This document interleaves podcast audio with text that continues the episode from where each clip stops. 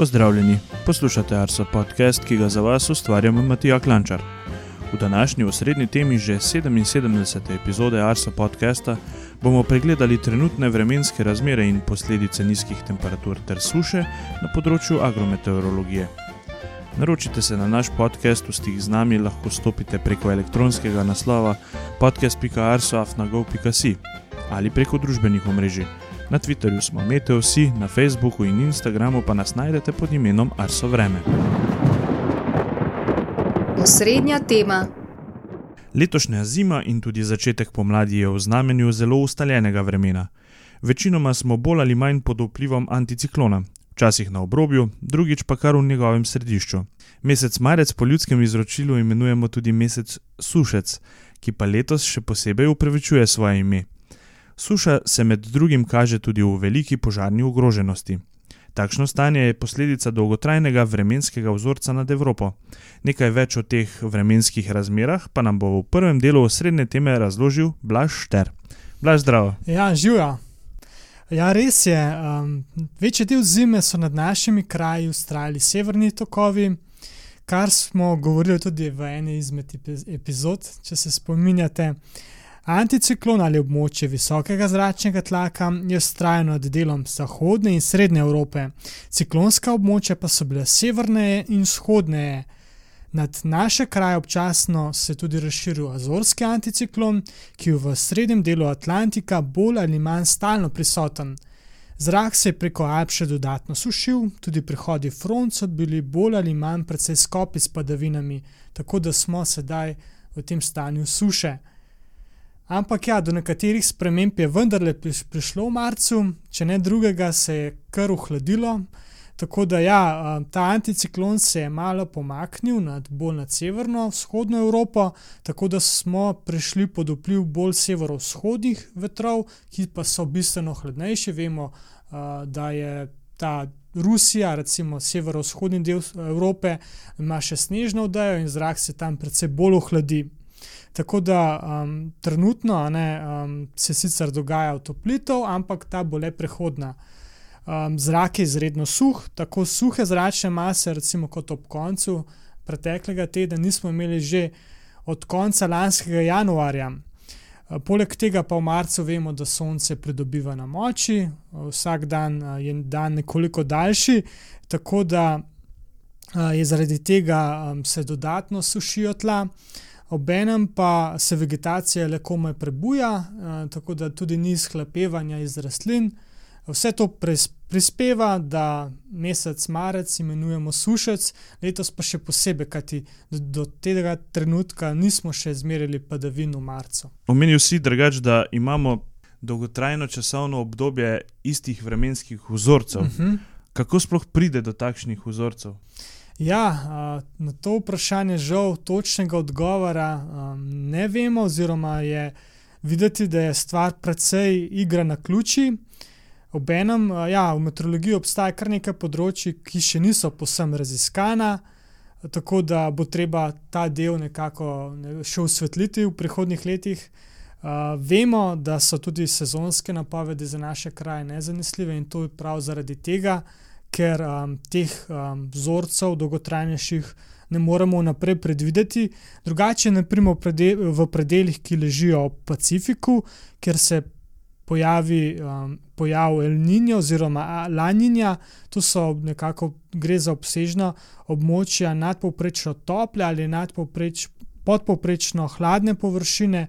Morja v tropskem delu Pacifika, in tam se lahko potem uh, precej ravnajo po tem, če je uh, morje hladno, bodo vremenski vzorci um, spremenjeni glede na povprečje ali obratno.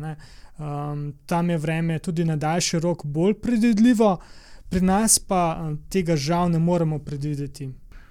Ali vseeno lahko vzroke za to dogajanje malo bolj pojasnimo? Ja, um, do neke mere lahko. Na vreme pri nas v večji meri vplivajo rozbivi valovi. To so obsežni planetarni valovi. En val ima običajno valovno dolžino nekaj tisoč km, gre za meridionalne valove, se pravi, nekako potujejo od severa proti jugu. Se razširijo, mm, so pa zelo pomembni, kajti povezani so z, z prodori hladnega zraka proti jugu in vdori toplejšega zraka proti severu. Nastane zaradi nestabilnosti v zraku, na njihov razvoj pa vplivajo tudi visoka gorovja, temperaturne razlike med kopnim in oceanom, in to ta v bistvu, um, val predstavlja tudi mejo med dvema različnimi masama. Um, tako da tam se nahaja tudi ta polarna fronta, o kateri pogosto razpravljamo, tudi pri vremenskih napovedih. Uh, pomembni so zato, ker um, nekako ti valovi, um, nekako jih najdemo okrog šest, um, vsakokrat nad severno poloblo, nad južno poloblo. Nad južno poloblo jih je manj, kajti je več uh, vode oziroma oceanov, manj kopnega in ti ravno kopno in uh, to pestrost, ki jo imamo na severni polobli, vplivajo, da jih je več nad severno poloblo. Um, tako da ja, um, s tem valovanjem lahko pojasnimo tudi, zakaj se vreme spreminja. Ti valovi ustvarjajo območja z visokim in nizkim zračnim tlakom pri tleh in krojimo vreme, kot ga poznamo običajno se pomikajo proti vzhodu, tudi vemo, da vreme prihaja od zahoda, ne, tako da uh, tudi se spremenja na vsake nekaj dni, saj je običajno, ne, uh, zaradi tega, ker se ti valovi počasi pomikajo. Uh, včasih, ne, kot recimo v tem času, ko imamo te ustaljene vremenske vzorce, se njihovo gibanje upočasni ali povsem zaustavi, kar običajno vodi v ekstremne vremenske razmere ali dolgotrajno sušo, na eni strani vročino, na drugi uh, strani um, pa se lahko pojavijo tudi uh, obilne padavine, hladno vreme, sneg. Um, velja, da dolgi uh, rozbojevi valovi se nekako pomikajo počasneje, kratki pa hitreje.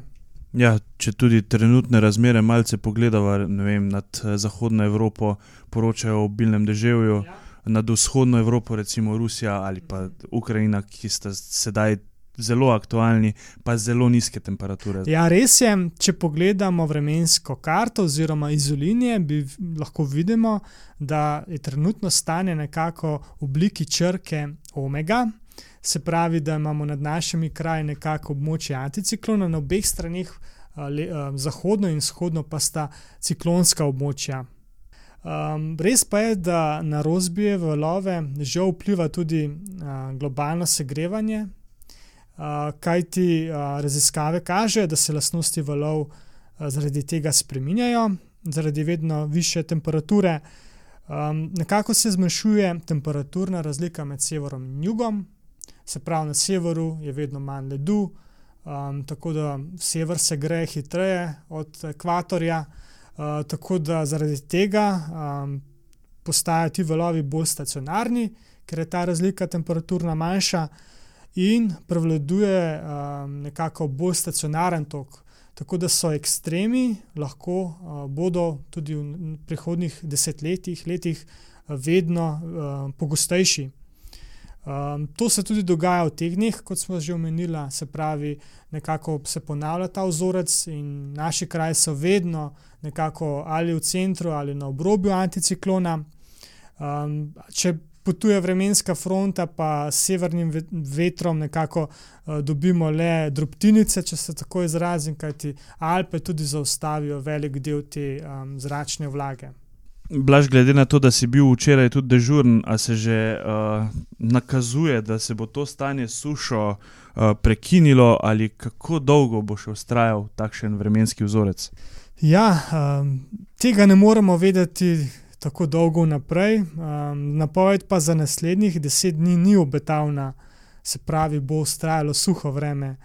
Potem Eh, lahko rečemo, da vseeno uh, obstaja dobra novica, kajti na rozbijeve valove bo počasi začelo vplivati sonce, oziroma uh, ta moč sonca, ki se povečuje na severni polobli, tako da običajno na prehodu v poznejšo pomlad se vremenske karte premešajo, dolgotrajna situacija se v narekovajih podre.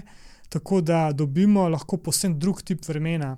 Če se spomnimo samo lanske pomladi ali pa še predlanske, ko je bilo uh, potem uh, v maju um, zelo mokro, uh, hladno vreme uh, in nas je v bistvu dobro namočilo ob koncu pomladi.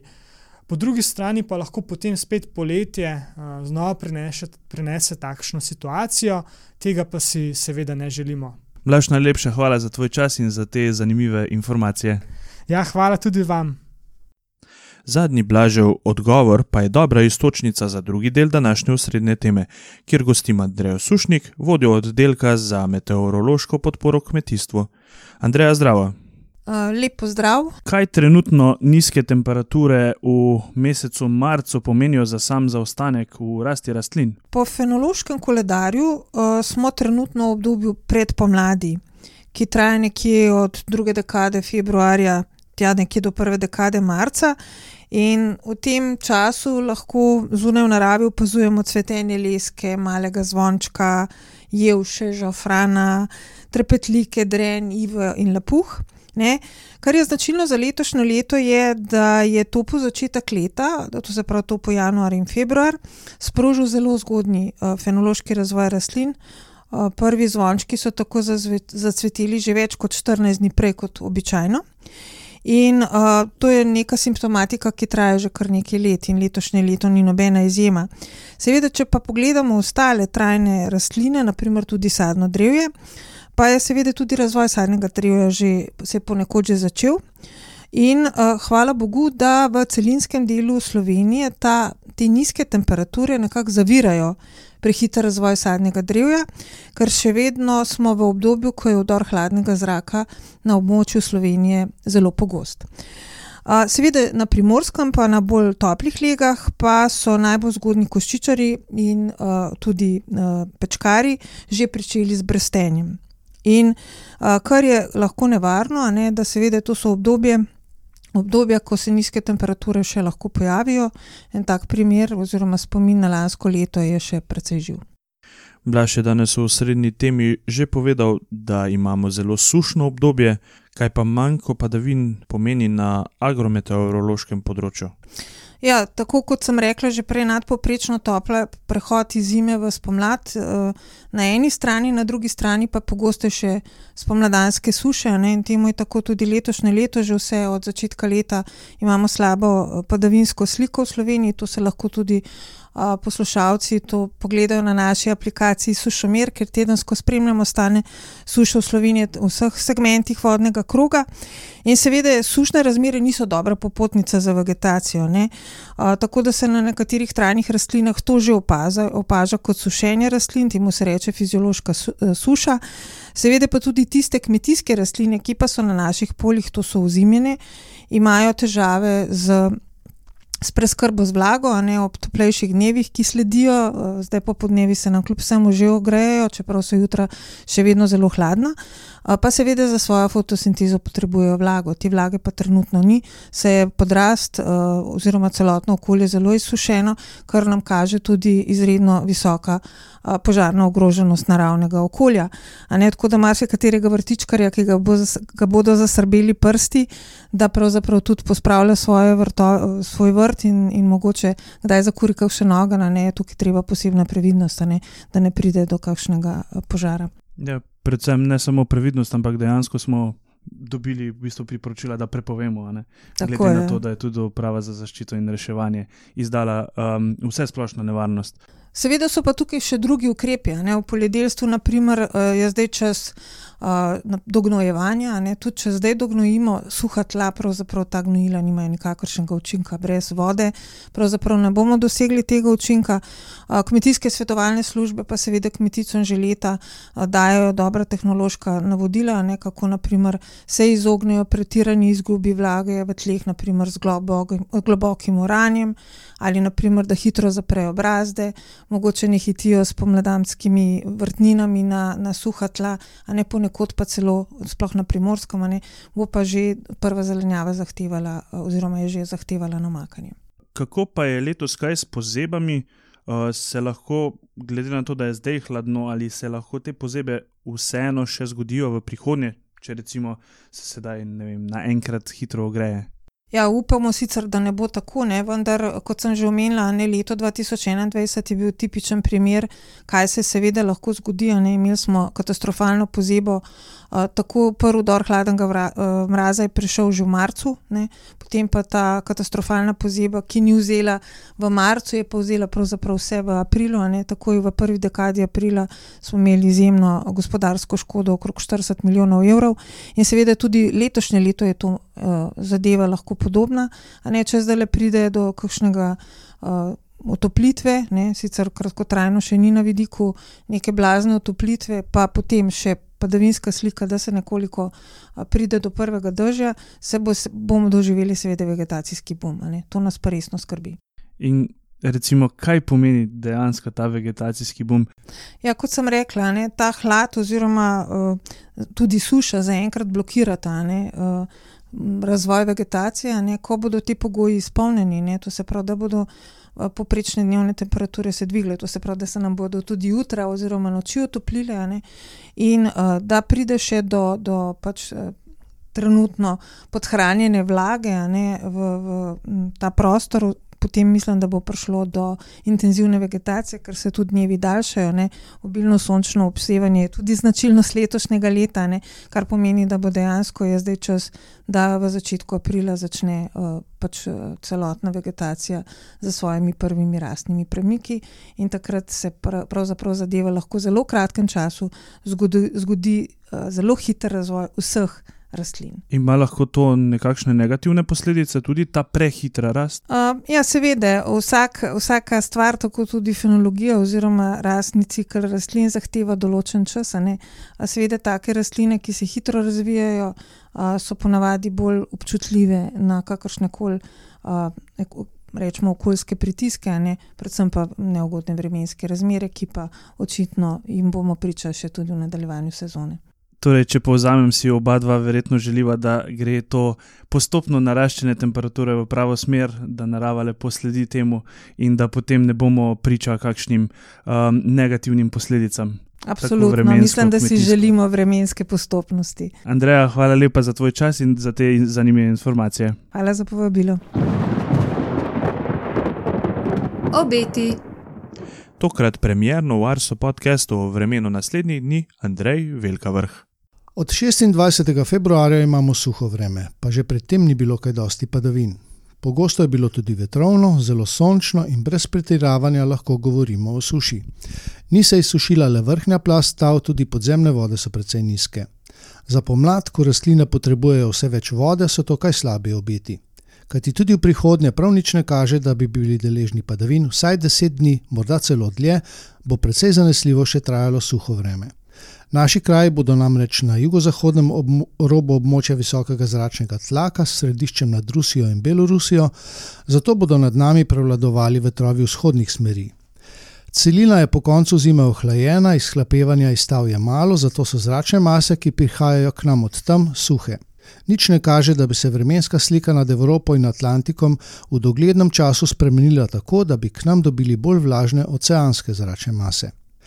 Sreda na četrtek se bo v višinah že ohladilo, do nedelja bo k nam dotekal še nekoliko hladnejši in vse bolj suh zrak. V četrtek bo ob vzhodnem in jugovzhodnem vetru na skrajnem zahodu Slovenije ter v sosednjih krajih Italije še ostanek oblačnosti, ki jo je nad južno stran Alp prinesla oslabljena vremenska motnja z jugozahodnim vetrom. Do povdne se bo ta oblačnost postopno posušila. V notranjosti Slovenije bo čez dan nastalo nekaj nizke oblačnosti, ki bo gostejša predvsem na jugovzhodu v dopodanskem času, na to jo bo razrečilo že kar močno marčevsko sonce. Na primorskem bo pihala šipka burja, v notranjosti Slovenije pa veter vzhodnih smeri. Nekoliko hladneje bo kot v sredo, le na primorskem bo zaradi burja topleje kot dan prej. Od petka dalje se bo ohladitev poznala še nekoliko bolj, Jutranje temperature bodo v notranjosti Slovenije že večinoma malo pod ničlo, dnevne pa malo nad 10, ob koncu tedna pa večinoma le do 10 stopinj. Tudi na primorskem bo z umiranjem burje postalo malo hladneje, zlasti zjutraj. Vreme bo v petek in soboto delno jasno z občasno povečano oblačnostjo, v nedeljo in začetku prihodnega tedna pa pretežno jasno. Od torka dalje bo spet postalo topleje in kot kaže, do konca meseca ne bo več izrazitejše ohladitve, a žal tudi dežjane. Čeprav je v gorah letos malo snega, pa ta zaradi mrzlega vremena in prevladujočih suhih zračnih mas ostaja na smočiščih presenetljivo suh tudi na začetku pomladi. Zaradi navedenih vremenskih razmer je razmeroma malo dni, ko se sneg dovolj ujuži in potem po noči pomrzne, to so razmere, ko postaja vse bolj trd in leden. Ob koncu suhih zim in v začetku pomladi, ko rastline še ne začenjajo brsteti, ljudje s kurjenjem na prostem povzročamo največ požarov v naravi. Tudi letos imamo tako situacijo. Razglašena je velika nevarnost požarov in apeliramo na vas, da se držite prepovedi kurjenja na prostem. Vremenske zanimivosti. Če smo v pretekli epizodi pregledali, kakšne so bile vremenske zanimivosti v mesecu februarju, se bomo danes ozrli v preteklo meteorološko zimo. Najvišjo temperaturo v zimi 2021-2022 smo izmerili na novega leta dan na postaji Godnje. Temperatura se je povzpela do 19,1 stopinja Celzija. Najnižja temperatura je bila izmerjena teden dni kasneje, 8. januarja, na postaji Nova Vas na Blokah, bilo je kar minus 21,4 stopinje Celzija. Najhitrejši sunek vetra smo izmerili v mesecu februarju. Na Kredarici je 7. februarja pihalo s hitrostjo 171,4 km/h. Največ padavin v minuli zimi smo izmerili v začetku januarja. Na Voglu je 6. januarja v 24 urah padlo 177,3 mm padavin. Najbolj sončna postaja v zimi je bila visokogorska postaja Kanin, kjer je sonce sijalo 496 ur in 25 minut. Tako smo s sončnimi urami 77. epizodo Arso podcasta pripeljali do konca. Hvala vam za vse odzive, kritike in poslušanja, želim vam obilo lepega vremena in se slišimo čez 14 dni.